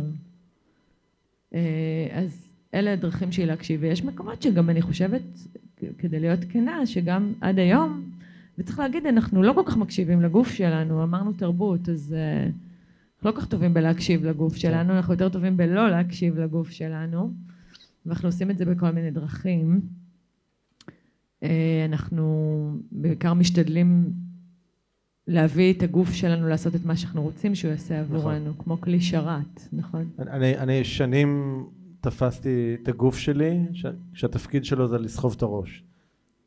ולקחת אותי ממקום למקום. זאת אומרת, זה היה... זה היה... זה, זה כלי תעבורה לדבר החשוב הזה. לדבר החשוב הזה, כן, כן. היום זה קצת ההסתכלות שלי אחרת לגמרי על זה, אבל... Uh, uh, אני היום למשל יודע ברמת של להקשיב לגוף, מבחינתי אם לצורך העניין אני עולה במשקל נגיד, אני לא מדבר על קילו פה לקילו שם, זה כולנו בתזוזה הזאתי, אבל אם נגיד אני עולה שלושה ארבעה קילו במשקל, אז אני יודע שמשהו משהו רגשי אצלי לא, לא במקום. זאת אומרת, אני חושב שהגוף מאוד uh, מדבר, אני, אני ככה אני ככה אני יכול לראות אותו מדבר אליי. אז אצלי אגב, אני יודעת שאני מעלה חום כשאני מרגישה את הלחץ גואה. אני, ואני ממש מרגישה את זה. Uh, אתה יודע שאצלי השער הראשון שבו פגשתי בעצם את הגוף שלי באמת, זה היה כשהתחלתי לנשום. לנשום. לנשום. כאילו זה לא בלידה קורה? לא. uh, נשימה מעגלית, ריברסינג. אה, בעצם ככה אני הגעתי, זה הגונג שעורר אותי בחיים האלה. בדיוק ראיתי אתמול, יש איזשהו קטע שרץ בפייסבוק של, אה, איך קוראים לה, סטנדאפיסט, הדר. אה, כן, הדר לוי, על רטריטים. הדר לוי, הדר לוי. על רטריטים, והיא אומרת שם, לנשום, סדנה שמלמדים אותך לנשום, כאילו אנשים עושים אקזיטים, אני עוד בשלב של לנשום, כאילו, אז כן. זה מצחיק ונכון. אז כן, אני ככה הגעתי בעצם לעולם הזה, שמבחינתי הוא היה ממבו ג'מבו, ומה לי ולדבר הזה, לא, לא עשיתי מדיטציות, לא הבנתי בכלל את המושגים האלה. והגעתי לכאורה באקראי ליער אודם, לסדנת נשימות מעגליות. מישהו מכיר את הטכניקה הזאת? שמעתם עליה? אוקיי, זה לא נשימות מדיטטיביות, זה לא נשימות יוגיות, זה כרוך במאמץ. זה, זה קשוח. זה קשוח. זה קשוח. אגב, זה מוביל אנשים, מוביל אותנו בעצם למצב תודעתי אחר. אנחנו עוברים, ל... אפשר ממש לבחון את זה בגלי מוח, לספירה שדומה להשפעה של סמים פסיכדליים על המוח. וזה סוג של חלון הזדמנויות צר מאוד לתת מודע שלנו. אז הגעתי במקרה לסדנה כזאת, ומבחינתי זה שט לשים את הטיקט שלי, השכל שלי מחוץ לחדר, ואני מתבקשת לכל מיני משימות מאוד מוזרות בעבור אדם כמוני, כמו לשקשק את הגוף ולרקוד ריקוד חופשי ולהיתקל באנשים שאני לא מכירה, שכמו שהבנתם זה מאוד מאתגר אותי ומשיג את הגבול שלי, ואני עושה את כל הדברים האלה, ובין השאר כל יום יש סשן של נשימה מעגלית, ואני נושמת, כמו שאומרים, אני ילדה טובה צייתנית, ואני נושמת כמו שאומרים, וצריכים להבין, זו נשימה מאוד מהירה. זה הקצב שלה. לבטן ולבית החזה, מחוברת בלי פאוזות, ומהר מאוד מתחילים להרגיש סחרחורת, וזה כאילו היפרוונטילציה, אם מישהו צריך את המושג הקליני של זה. ואני תוך זמן ממש קצר מרגישה את הציפה הזאת ואת הנימול בפנים ובגוף, ומהר מאוד הבכי מגיע, ואז מגיעות תובנות חיים שמעולם לא הצלחתי להשיג אותם באמצעות השכל. ואני מבינה המון דברים על עצמי שם. אני מבינה שאני ממש טובה בלסבול ואני מבינה שאני לא מתכוונת לעשות את זה יותר ואני מחברת חיבורים שלפני כן לא מחוברים לי ואני מבינה את הסיפור של הבן זוג שלי שעד אותו רגע היה מבחינתי חבר מכוכב אחר וכל מיני דברים מתבהרים לי ואני יוצאת מהסדנה הזאת ואני תכף מקצרת את זה כדי רגע לתמצת את זה לרמת הגוף בהבנה שלא הבנתי מה קרה כאן. זאת אומרת עד היום אני מבינה דברים כשמסבירים לי אבל לא הבנתי מה קרה כאן אני מבינה מלא דברים אף אחד לא מאבד איתי שום דבר אני לא מדברת על זה לא מנתחת את זה. And yet אני כאילו קרה כאן משהו כל כך דרמטי שהוא משנה חיים ואני גם חוזרת עם חוויה של מיוט כאילו שזה אני ממש לא הכרתי כאילו המוח שלי עובד ב... כמו מחלפים אה, של אוטוסטרדות ביפן אני לא עוקבת אחריי רוב הזמן ופתאום שקט שקט מבהיל אפילו ואז הבנתי שאני מתחילה לחקור את הנושא הזה שנקרא הגוף שלי. מה קורה? כאילו, מה קרה? מה, מה, מה עשיתי כאן? איך אני מסבירה את זה בכלל? איך מנגישים? ובמחקר היה, שאלת איך חוקרים. אז במחקר שאני עשיתי, אני מתחילה ללמוד על איך בנוי המוח שלנו והמכניזם הזה, ואחד הדברים שאני ממש לומדת, ואני לא אכנס ממש לתיאוריה של זה, זה שככל, יש משאב לא מדובר שהוא אחד המשאבים הכי יקרים שאנחנו לא לומדים לנהל אותו. למישהו יש רעיון איזה משאב זה? לא שמעתי? זמן אמרתם? זה משאב חשוב ויקר, לא זה. עליו מדברים הרבה. מחשבות שלנו, כן. אנרגיה מינית, הנה ערן כבר נתן על זה אינפוט, לא, אני עוד לא, לא, עוד לא הגעתי לזה. המשאב שלא מדברים איתנו עליו כמעט והוא מאוד משמעותי ל-well-being שלנו, הוא חשמל במוח. כי המוח שלנו כל הזמן מתקצב, המימון של המוח שלנו הוא מימון חשמלי. ואם רק נלמד לכבות מתגים ולהדליק מתגים, אנחנו נלמד את התורה כולה, הלוואי שזה היה פשוט, אבל זה לא כל כך מסובך כמו שאנחנו חושבים. אתה מרשה לי להיכנס לתיאוריה? קצר. לא אני פה על המשמר, קצר. אוקיי. אז, אז יש במוח שלנו בגדול שני חלקים, יש הרבה יותר מזה, אבל בואו נדבר עכשיו על שני חלקים. אחד זה הקורטקס הקדמי שלנו, והשני זה אמיגדלה. והחלק האחורי הזה, אמיגדלה, משותף לנו ולבעלי חיים מורכבים אחרים, והוא בן 80 מיליון שנה, והוא מקבל את רוב התעדוף החשמלי שלנו, כי מה הוא? על מה הוא אחראי? על הביטחון שלנו, כמו כל מדינה טובה, תקציב ביטחון תמיד יקבל תעדוף תקציבי, rather than איכות סביבה, או חינוך, או רווחת התושבים. as simple as that, קודם כל שיהיו אזרחים, אחר כך נדאג לאיך הם חיים. אז ככה גם המוח שלנו, קודם כל שהיא תהיה אני. ואחר כך איך היא תחיה, ועם מי היא תחיה, ואיך תראה הזוגיות שלה. nice to have, לא must have. אז המוח שלנו, קודם כל אמיגדלה מקבלת את רוב התקציב החשמלי, ובאמת אמיגדלה ברגע שהיא מזהה סכנה, נגיד נמר, יש לה שלוש אסטרטגיות, אתם כבר יודעים אותן? נכון, שלושת האפים. וזה קורה כהרף עין, לא צריך מחשבות שם אגב, לא מנהלים כאן מחשבות, זה אוטומטי לחלוטין. והקטע הוא שרוב הזמן, הגם שאנחנו בטוחים שאנחנו היצור הרציונלי שאנחנו, אנחנו באמיגדלה שלנו. תכף נגיד על זה מילה. החלק השני שלנו רק בן שני מיליון שנה, צעיר מאוד, החלק שמבחין בינינו לבין בעלי חיים אחרים, הקורטקס הקדמי, ושם קורים כל הדברים החשובים, אם אנחנו מדברים על התפתחות ואנחנו מדברים על התפתחות, מפה פיתחנו את כל מה שפיתחנו כאנושות, כל דבר שמתחיל בכלי התחיל מפה.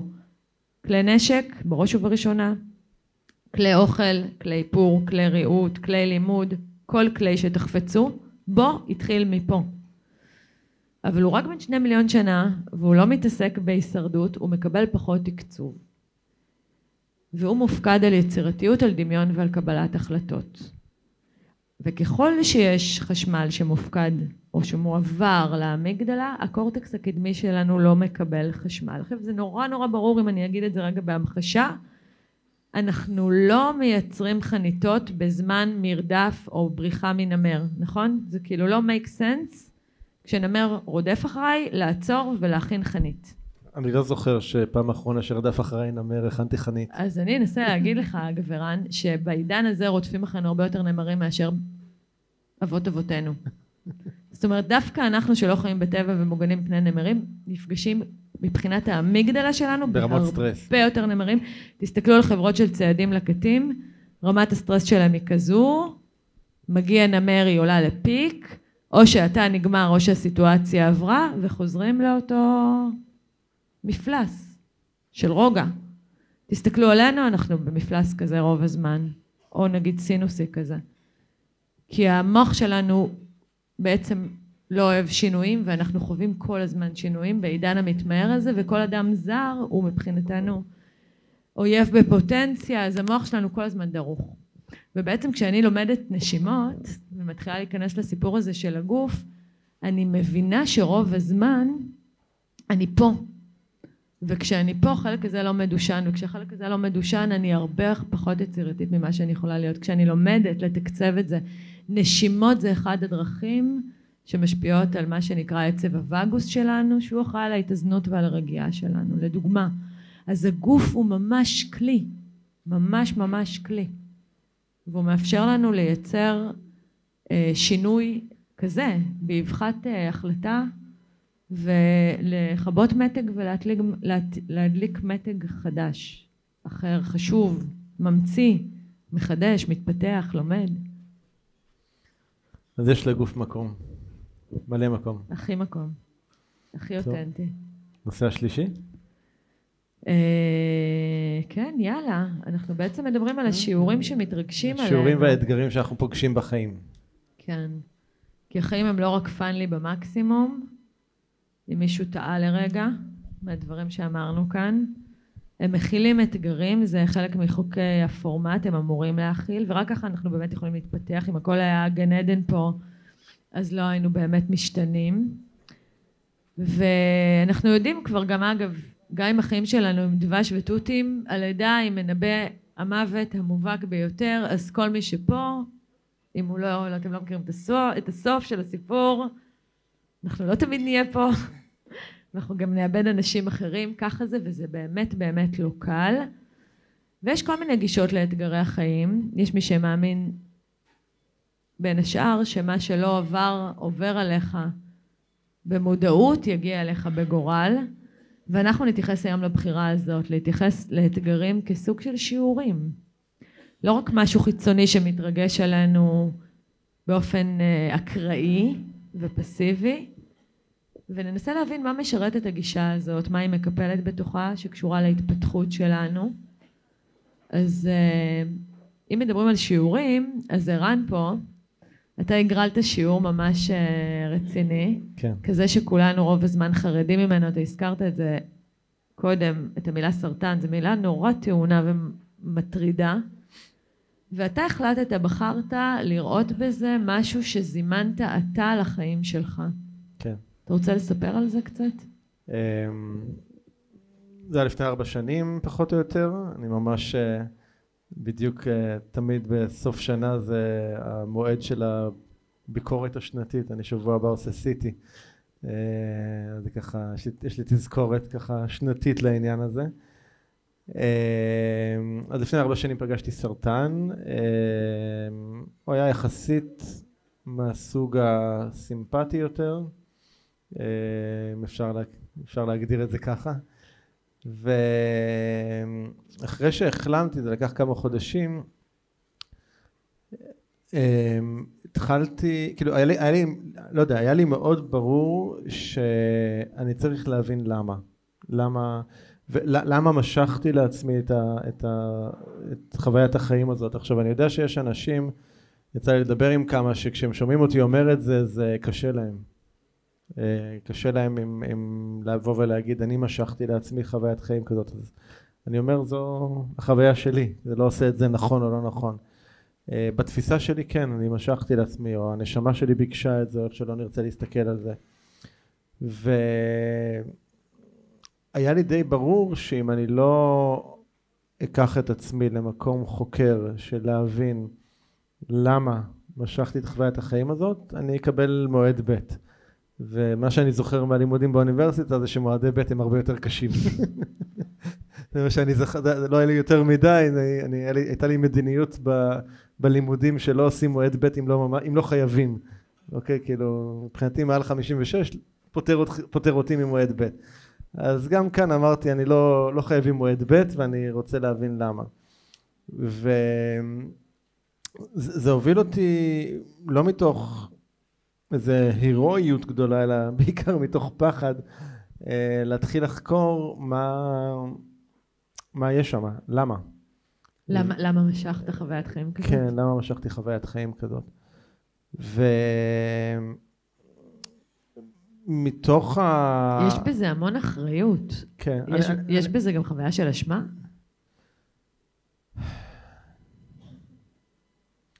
מנסה להיזכר אם באותה תקופה אשמה, אני חושב שהאשמה פחות הייתה נוכחת אז, אלא יותר עניין של אחריות, ובעיקר שוב פחד, אם אני לא אפצח את הדבר הזה, אה, בגדול אני אמות. כאילו איפשהו הייתה לי, הסתובבתי בתחושה שאם אני לא מבין את המועד א', במועד ב' אני מת. כאילו זה. זה הייתה, זו הייתה החוויה שהסתובבתי איתה. אה, זה היה, זה היה כזה, וזה מאוד מאוד הפחיד אותי, אפילו יותר אה, מהימים שח, ש, ש, שחליתי. אה, כי כשחליתי לא בשום שלב, זה, זה היה סוג שהרופא אמר לי מיד, המש, המשפט הראשון היה, זה 99-9 אחוז סרטני, המשפט השני, אתה תחיה.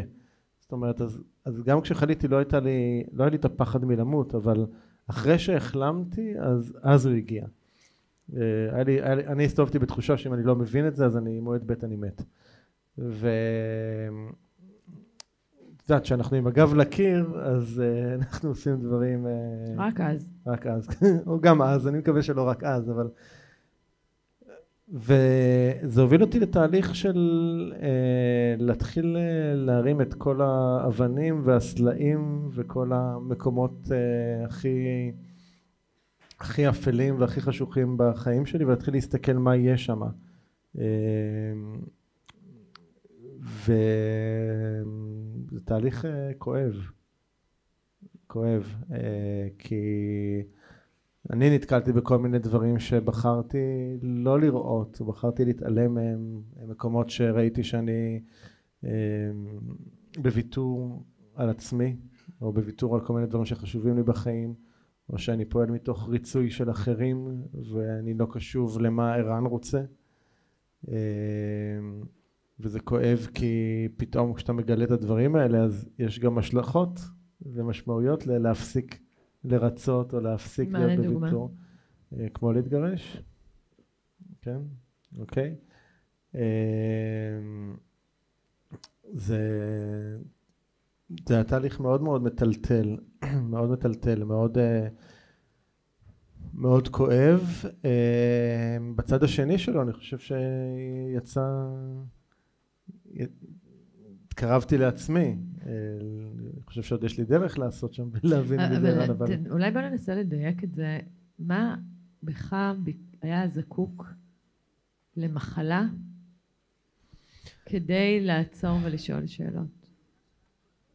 אני חושב שאני הייתי כל כך, אה, מה המילה? אה, כל כך מוחזק בלופ הזה של החיים, ש...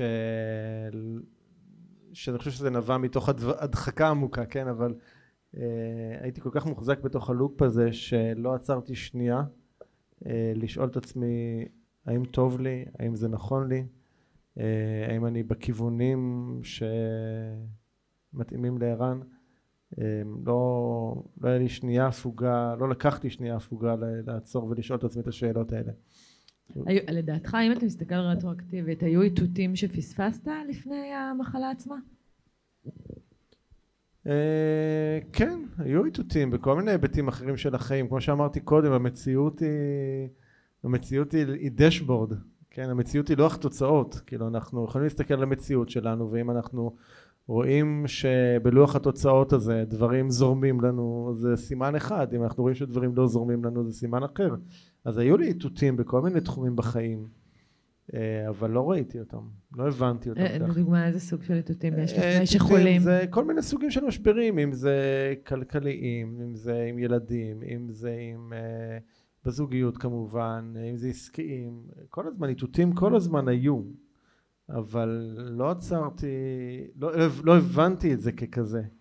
אה, ראיתי את זה ככמו התמודדויות שאנחנו עוברים בחיים שלנו, והתייחסתי לזה ככזה. אני היום הרבה יותר אה, מסתכל על מציאות ובודק מה היא מהדהדת לי ומה היא, היא רוצה לספר לי.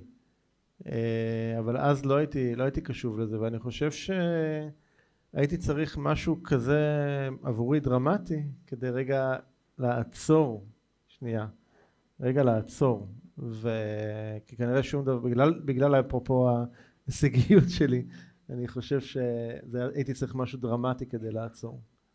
אה, כי את כל הסימנים הקודמים לא ראיתי, או לא הבנתי ככה, כסימנים. אז מה למדת על עצמך? אמרת שאתה מרצה. אה, את כן, מי אתה מרצה? אתה מרצה כאסטרטגיה? כאילו, אתה...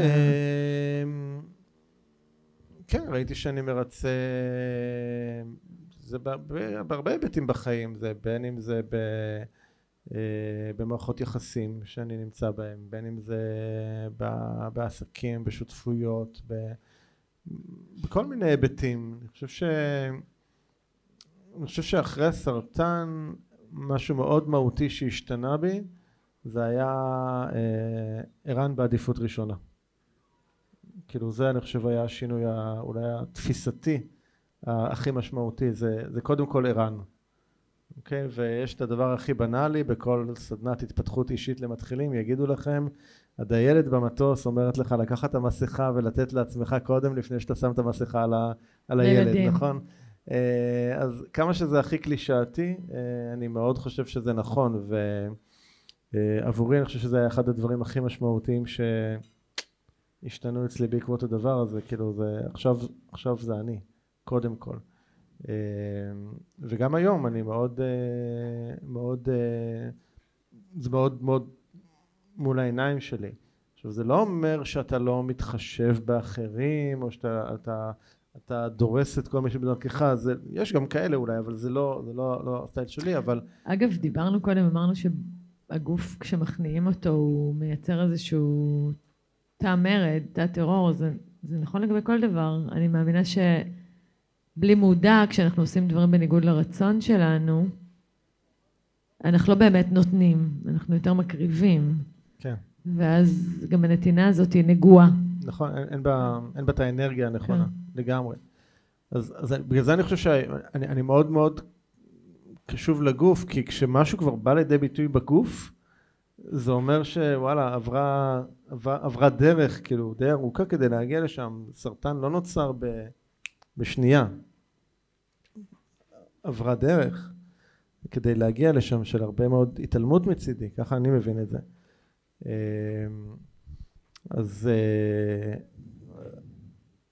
אז עבורי זה היה, היום אני מסתכל על זה כ... שוב, זה גם הדבר הכי קלישאתי, אבל זה סוג של מתנה, אה, באריזה, אריזה מחורבנת, אבל עדיין בפנים, אה, אני חושב שזה זה הביא לי באמת הרבה ברכה לחיים. הרבה ברכה לחיים. זה השיעור הראשון שאתה מרגיש שהתרגש עליך? אמ, אני חושב שזה השיעור הכי משמעותי, ש... היו כל מיני, אבל אני חושב שזה השיעור הכי משמעותי שעברתי, שעברתי עד היום, ואני חושב שזה גם השיעור שהייתי הכי קשוב לשיעור. כאילו, ללקח. כן, כן, כן, כן. אה, אני חושב שזה היה עבורי. עם איזה, איזה שיעורים משמעותיים את התמודדת? קודם כל, בלי קשר לשיעורים עצמם, העמדה שלי היום, וזאת עמדה שלא הייתה כזו, כאילו בעבר, בעבר החיים קרו לי. קרו לי לא ממקום קורבני, אבל קרו לי באופן, אה, מתוך תפיסה דטרמיניסטית, ש, שדברים קורים באופן מסוים ואין לי באמת אה, שליטה עליהם. היום באמת החוויה שלי, וזאת חוויה אמונית, אגב, אין לי שום דרך להוכיח אותה, היא שאני מקרה את החיים שלי, ובאמת אה, בלי מודע אני מושכת במרכאות אה, שיעורים כאלה ואחרים לתוך החיים שלי, ולכן נייר הלקמוס זה המציאות. וכל פעם שפוגש אותי משהו שהוא בחזקת, אגב, לטוב ולרע. נכון. אה, לא רק, אה, נכון. לא, לא רק החלקים המאתגרים והקשים. נכון. העמדה שלי כלפי זה, זה שיש כאן משהו בעבורי לחלץ ולהתפתח מתוכו וללמוד. ועצם העובדה שזאת העמדה שלי, זה לא משנה כאילו אם זה נכון או לא, כי אין לי נגישות לאמת עצמה, היא כבר משפרת לאין שיעור את החוויה, כי יש כאן חוויה של שליטה. יש כאן תחושה של באמת דברים קורים לא במקרה ויש להם איזושהי תכלית גדולה יותר וכבר במקום הזה זה גורם לי להרגיש מוגנת in a way. איזה שיעורים מתרגשים עליי? השיעורים אצלי הם, יש כל מיני, הם, הם יותר יומיומיים אצלך. יותר מה? יומיומיים. יומיומיים. עדיף ככה. כן, אני מעדיפה גם. מקווה שאני לומדת. תחזיקי בזה, תחזיקי בזה. מקווה שאני לומדת בדיוק את האיתותים. אה, אני אתן לך דוגמה לשיעור שלמדתי לא מזמן, אבל יש כל מיני, כל הזמן, בכל מיני תחומים. לפני כמה זמן, בערך שנה, עליתי על כביש 6, אני כזאת נהגת אה, שתופסת את עצמי כנהגת מעולה. טסט ראשון, כאילו סחטן עליי, אבא שלי לא האמין לי שעברתי, יום למחרת הראתי לו, וחונה ברוורס חבל על הזמן, כזאת. ואני עולה על כביש 6, תוך כדי שאני מדברת עם מרואיין אה, שאני עומדת לראיין לפודקאסט, ושיחה, אני מרוכזת בשיחה, וקודם הסברתי לכם על קורטקס קדמי ועל אמיגדלה, ואני יודעת לדבר על זה בשעת לילה, ואני נכנסת לכביש 6 ואני מרגישה שמשהו קורה לי בגוף. זה הכרה ואיזשהו סוג של אה, קפיצות, נוקשות גופנית, ואני ממשיכה את השיחה, ואני מזהה שמשהו קורה לי, ואני עוד לא כל כך מאבדת את זה, אבל כשאני מסיימת את השיחה, ברור לי שפתחתי מתג, הדלקתי את האמיגדלה, היא all the way, כאילו, אני בחרדה. ולא חוויתי מעולם דבר כזה קודם, ואני בפאקינג כביש 6. תנחשו באיזה אסטרטגיית הישרדות המוח שלי בחר, חמוד כזה? בפריז, בכביש 6, כן, בדיוק. זה המקום להיות משותקת, אחלה מקום, 130, 140, ואני בפריז. מה שאומר שאני לא מצליחה ללחוץ את הרגל על הגז, אני לא מצליחה. ואמרתי, הידיים שלי קרות ומזיעות, והגוף שלי דרוך, ואני לא מצליחה להסתכל ימינה ושמאלה, אני ממש משותקת. והאוטו מת, כאילו הרכב מת, אני כבר על 80, ואני מבינה בקוגניציה שזה לא נכון מה שקורה עכשיו. זאת אומרת, זה יותר מסוכן מכל דבר אחר, ואני לא מצליחה לדרוך על הגז. ואני אומרת לעצמי את כל מה שצריך להגיד, כי למדתי שיש דרכים, כמו שאמרתי לכם, חקרתי, עשיתי את כל מה שצריך, אז אני אומרת את מה שהמגדלה אוהבת לשמוע כדי להירגע, הכל בסדר, הכל בסדר, ואני אומרת לעצמי, הכל בסדר, תנשמי, ואני נושמת, את יודעת לנהוג, זה אוטו אוטומט, רק גז, הכביש ישר, ולא משנה מה אני עושה, הגוף שלי בוגד בי, באיזשהו שלב אני מצליחה איכשהו, אה, ממש איכשהו, אה, להשתלב אה, בנתיב הימני, ואני נוסעת כל הדרך בין שתי משאיות, וטוב לי, על 90. ו, ולצד זה, אני, אני, אני, מרג... אני, לא, אני לא מבינה מה קורה. עכשיו זה לקח אותי לרמה של uh, ממש כעס, זה נורא הכעיס אותי, כי אמרתי לכם, אני נהגת מעולה. איך זה יכול להיות? איך זה קורה לי? זה נגד כל הפסאדה שבניתי, כל התדמית שלי, כבר עשרים ושנה, ו, ו, וגם ב, כאילו החוסר אונות הזאת, הוא ממש, זה ממש ממש הרגיז אותי, ואני מוצאת את עצמי מנהלת שיחה עם ליאור, עם בן הזוג שלי בלילה, ואני אומרת לו, כאילו, כאילו, זה, זה לא אמיתי, כאילו, המוח שלי took over, אני לא יודעת אפילו למה, אני לא יודעת מה היה מסוכן בעבורו, והוא שלט, ולא היה לי מקום, כאילו, ממש הרגשתי כאילו מישהו לקח שליטה ואין לי מקום. ותוך כדי שאני אומרת את זה, אני אומרת, מעניין איזה עוד דברים יש שאני לא ערה להם, שהם מנהלים את ההצגה. איפה עוד אני, ואני כזה אומרת, איפה עוד אני לא מוכנה לעלות על אוטוסטרדות? ואיך שאני אומרת את זה נופל לי האסימון. שמה הוא היה? שבקריירה, וואלה. ו, ואני פשוט קולטת פתאום שאני, שיש משהו בסבב ב' הזה של הקריירה שלי. כי אני לא, לא אספר את כל הסיפור, אבל, אבל העבר העסקי שלי היה כזה שאפשר לי להיות מאוד מאחורי הקלעים, מאוד לא באאוטינג, אני די מופנמת בבסיס שלי. אה, אז, אז, אז יכולתי להגיע לכל מיני הישגים בלי שאני צריכה לעשות מה שאני עושה עכשיו לדוגמה. ו... וקלטתי שפתאום הדבר הזה שאני עושה עכשיו, אני כאילו עושה אותו ואני בטוחה שאני כאילו מתמודדת עם הפחדים שלי והכל, אבל בעצם אני כל הזמן מעגנת אותי ולא ממש נותנת לעצמי עד הסוף. וכשהבנתי את זה, תוך שבועיים קרו מלא דברים מטורפים, כאילו שהוציאו אותי עוד כמה צעדים החוצה. זה, זה די מדהים לפעמים שאנחנו רק מספיק שנבין משהו על עצמנו, זה כבר יוצר את השינוי. לגמרי. כאילו רק לראות איזשהו דפוס. אני התמכרתי לזה אגב. רק, אני, רק אני, לראות, להבין איזה דפוס שאנחנו יומיומי. פועלים מתוכו, כן. כבר זה מספיק וזה... כן, אני היום זה מה שאני עושה. אם תשאל אותי מה הופך אותי, ממה אני עפה, אני עפה כשאני מגלה עוד משהו עליי שלא ראיתי קודם, שאני מאירה על עוד בליינד ספוט. אני מזהה עוד איזה מגבלה פנימית כזאת. אה, וזה מדהים כמה זה מטאפורי לפעמים. Mm. כאילו, כי באמת השאלה הייתה על איזה אוטוסטרדה אני לא מוכנה, כן. והתשובה הייתה אני לא בליגה של הגדולים, ו- וכאילו, זה, זה לקח אותי להמון ספרות נורא משמעותיות. מדהים. אה, איך, איך את מתייחסת היום לאתגרים כאלה ואחרים שפוגשים אותך? מה... תראה, זה נורא תלוי באתגר, אבל באופן עקרוני, אני... כמו שאמרתי, אני נוטה להאמין. יש משפט כזה שאני נורא אוהבת, הייתי בעבר אה, פסימית אה, כרונית כזאת, ותמיד אנשים אופטימיים נראו לי, יהיה בסדר סטייל. כאילו, מה הקטע הזה של אה, best case scenario? דרך נורא מוזרה לחיות את החיים. אז אני תכננתי לפי worst case scenario. כאילו, הכי גרוע שאפשר, נגזור לאחור, הכי הרבה נתבדל לטובה. נראה לי כמו אסטרטגיה טובה. וזה גם עובד, אגב.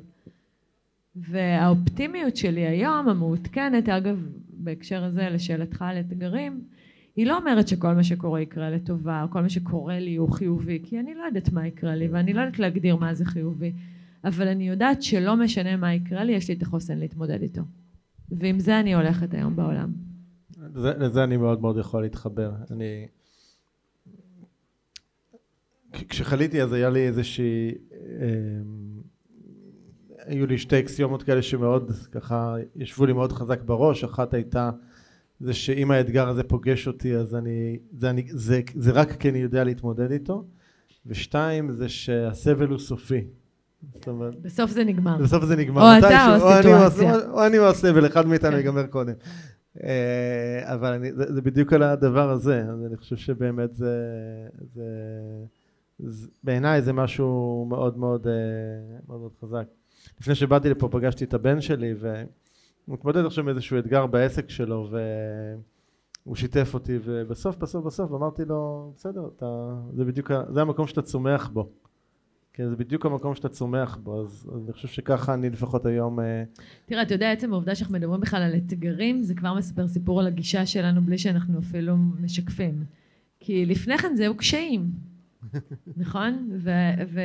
והמושג אתגר הוא כבר מכיל אפשרות כן. לצמוח ממנו. יש פה איזה הר לטפס עליו. כן, בדיוק. לגמרי. טוב.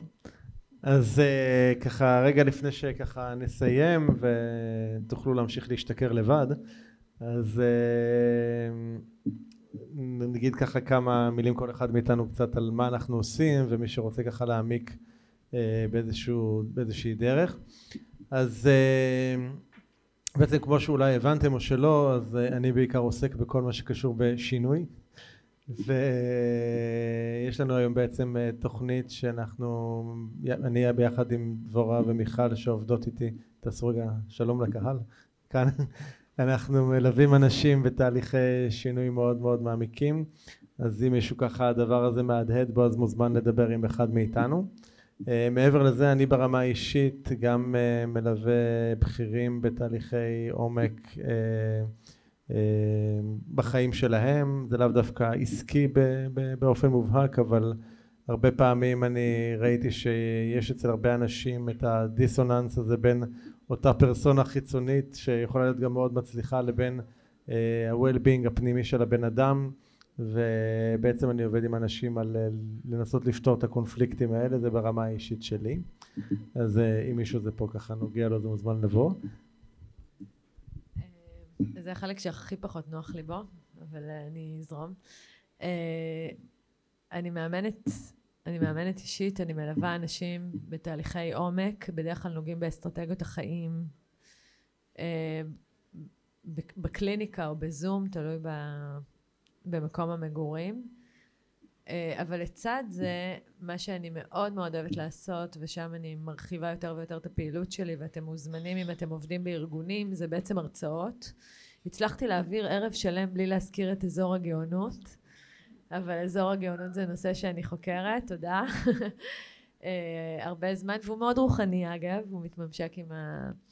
אז uh, יש לי מספר הרצאות במספר הקשרים שבאמת אני אשמח מאוד להרחיב את, ה, uh, את החשיפה שלהם גם בקרב ארגונים וחברות, אני עושה את זה היום. וחוץ מזה יש קורס אה, שמתעסק באזור הגאונות ונקרא אה, מתחברים ממצוינות לגאונות של שמונה מפגשים שהוא דיגיטלי ומי שמכם רוצה לעבור אותו ככה איזה תהליך אה, תיאורטי בשלבים מדורגים אז זה גם אופציה. שמחתי מאוד, תודה רבה לכם על ההשתתפות הערה.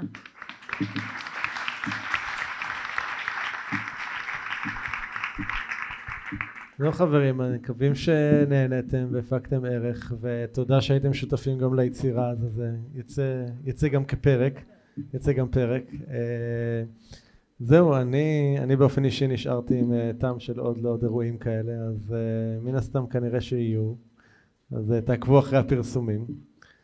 זהו, ומוזמנים להמשיך לשתות, לאכול, ליהנות. תודה רבה ותודה רבה לדבלין שאירחו אותנו. תודה רבה.